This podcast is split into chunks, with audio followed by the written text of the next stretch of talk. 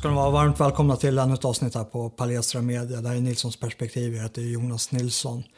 Den senaste tiden har vi sett en väldigt stark censurering av regimkritiska röster på våra sociala medieplattformar.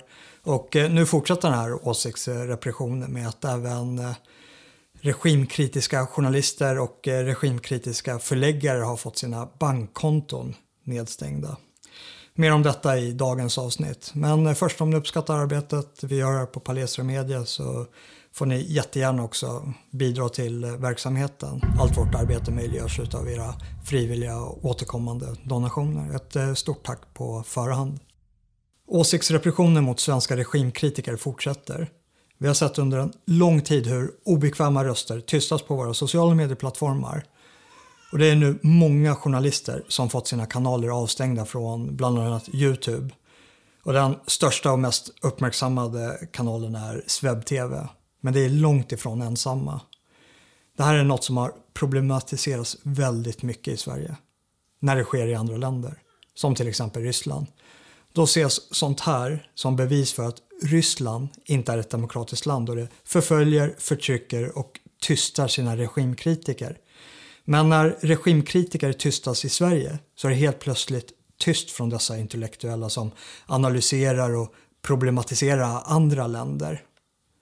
Nästa gång ni hör någon ta upp andra länders åsiktsförtryck så fråga dem hur de ser på Sverige och om det inte är lite konstigt att sitta på sin höga moraliska häst och fördöma andra länder när samma sak sker hemma vid. Speciellt när många av de här intellektuella också är avlönade direkt eller indirekt av vår egen regim. Antingen då via pressstöd eller forskningsanslag. Och eh, stora delar av det svenska etablissemanget, hela spektrumet från ledande socialdemokrater till ledande moderater prisade att eh, Twitter stängde av eh, Trumps eh, Twitterkonto. Hans huvudvapen som eh, Twitter gav honom tillgång till. Och eh, det var som ett, som ett tv-bolag hade gett honom en gratis tv-kanal men sen säger tv-bolaget nu får det vara nog. Eh, så att eh, det kommer säkert att diskuteras men det, jag tror att det är ett, i grunden rätt beslut. Varför är det ett rätt beslut? Nej, det finns ingen anledning att han ska ha tillgång till detta automatiskt. Ingen har tillgång till det automatiskt. För bara att stå upp och säga att man måste få säga vad man vill, ja, inte i alla kanaler. Om man går ut på gatan och säger vad man vill, det är en sak. Men det kan inte vara en mänsklig rättighet att jag ska få häva ur med vad som helst i de sociala medierna heller. För det är det här som leder till den situation som vi har sett nu i USA. Och vi kan mycket väl ha den, vi har en liknande situation i Europa, vi kan mycket väl ha den i Sverige. Det är dags att säga ifrån nu. En gång för alla. Det måste vara någon ordning också i de sociala medierna. Ironin blir total när en av de personerna som faktiskt gick ut och kritiserade de här nätjättarnas censur var en ledande rysk regimkritiker, Alexei Navalny, som brukar lyftas fram som ett typexempel utav det svenska etablissemanget för det åsiktsförtryck som förekommer i Ryssland. Och han sa att den här censureringen av Trump på Twitter är precis vad som är problemet i Ryssland.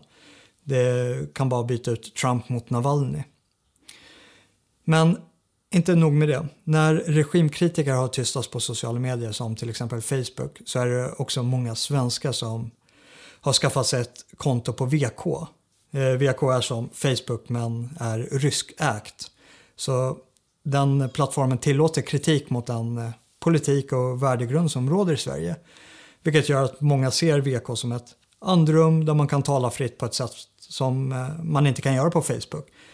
Sen är det klart att man bara kan tala fritt på VK så länge det inte går emot den eh, ryska diskursen.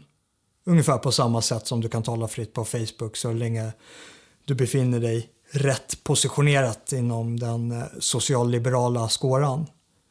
Men den här situationen som är fullt begriplig att människor som censureras på en plattform söker sig till en annan där de inte censureras används som ett slagträ av det svenska etablissemanget till att Sverigevänner skulle vara i maskopi med Ryssland. Där vår legitima oro över hur vårt land styrs tillskrivs att vara konstruerat av ryska trollfabriker. Att vi Sverigevänner skulle kollaborera med ryssen och vår kritik mot vår regim undermineras som att vara skapt av ryska trollfabriker. Att vi skulle gå Rysslands ärenden genom att slå split och splittring. Det här är ett helt bisarrt förhållningssätt. Och det är en del av stormaktspolitiken att underblåsa en opposition hos sin motpart. Ryssland gör det. Varför man kan se att ja, men ibland så går vi eh, parallellt med varandra. Men USA gör det också. Kina gör det. Alla gör det. Även Sverige gör det när vi skickar ut våra genuspedagoger till vad vi betraktar som fientligt inställda stater. Men i alla fall, situationen är ännu mer bisarr än så här. För eh, de som fortfarande tycker att eh, vårt svenska etablissemang inte kan jämställas med Ryssland och att svenska intellektuella som kritiserar Rysslands åsiktsförtryck inte kastar sten i glashus när svenska regimkritiska journalister blir censurerade på sociala medier. Så stannar det inte där heller. Svenska regimkritiker blir av med sina bankkonton. Först var det fria tider, sen Swebb-TV som inte fick öppna ett bankkonto och eh, nu senast Daniel Friberg som blir av med sitt eh, konto på Swedbank. Friberg driver bokförlaget Arktos som ger ut eh, regimkritisk litteratur. Banken vilar sitt beslut på i, i de här ärendena att stänga ner de här regimkritikernas bankkonton med stöd av penningtvättslagen med motiveringen att det inte finns tillräckligt stor kundkännedom. Och det här är väldigt allvarligt. Banken använder penningtvättslagen som förevändning för att trakassera regimkritiker. Precis på samma sätt som man gör i de länder som våra svenska intellektuella kritiserar. Sådana människor är inget annat än intellektuella legoknektar för vår egen regim. De används för att svartmåla andra stater och sen koppla samman den egna interna oppositionen som existerar i vårt land med den stat som sen eh, svartmålas. Hur tror ni att dessa människor kommer att beskriva det när eh, oppositionella och regimkritiker stängs av från våra banker och de är tvungna att vända sig till banker utomlands? Ja, de kommer att målas upp som köpta av Putin eller vem det nu är som etablissemanget vill koppla samman oppositionen med. Och det här har hänt förut. Det hände i Frankrike för Front National då det franska partiet, vilket är landets näst största parti, det stängdes ute från det franska bankväsendet. Så de fick vända sig utomlands för att låna pengar till sin valkampanj. Och nu riskerar vi att få den utvecklingen i Sverige också. Och därför var det väldigt glädjande att se Björn Söder från Sverigedemokraterna att lyfta upp den här frågan eh, så snabbt till eh, statsrådet Per Bolund med rubriceringen Bankers diskriminering på politisk grund. För det är vad det rör sig om. Och då kanske oppositionella och regimkritiska journalister slipper vända sig utomlands för att kunna överleva. Det är en oroväckande utveckling. Först censureringen från de sociala medierna. En censur som Socialdemokraterna hejar på och som försvaras med att det, det, är privata företag och vi inom oppositionen, vi har ingen rätt att få vår hatiska röst hörd på en plattform som inte vill ha massa hat där. Och eh, på grund av den här censureringen så skapades Parler som ett alternativ till Twitter. Och Parler blev så populärt på grund av den här tilltagande censureringen att det var den mest nedladdade appen under eh, eh december. Varpå Apple och Google Play helt enkelt tog bort applikationen från deras plattformar. Och inte nog med det. Amazon väljer också att stänga ner hela Parler då Parler använder sig av Amazons eh, webbservice. Amazon har sedan tidigare också tagit bort regimkritisk litteratur. Men den här nedstängningen av en hel plattform är på en helt annan galaktisk nivå av censurering.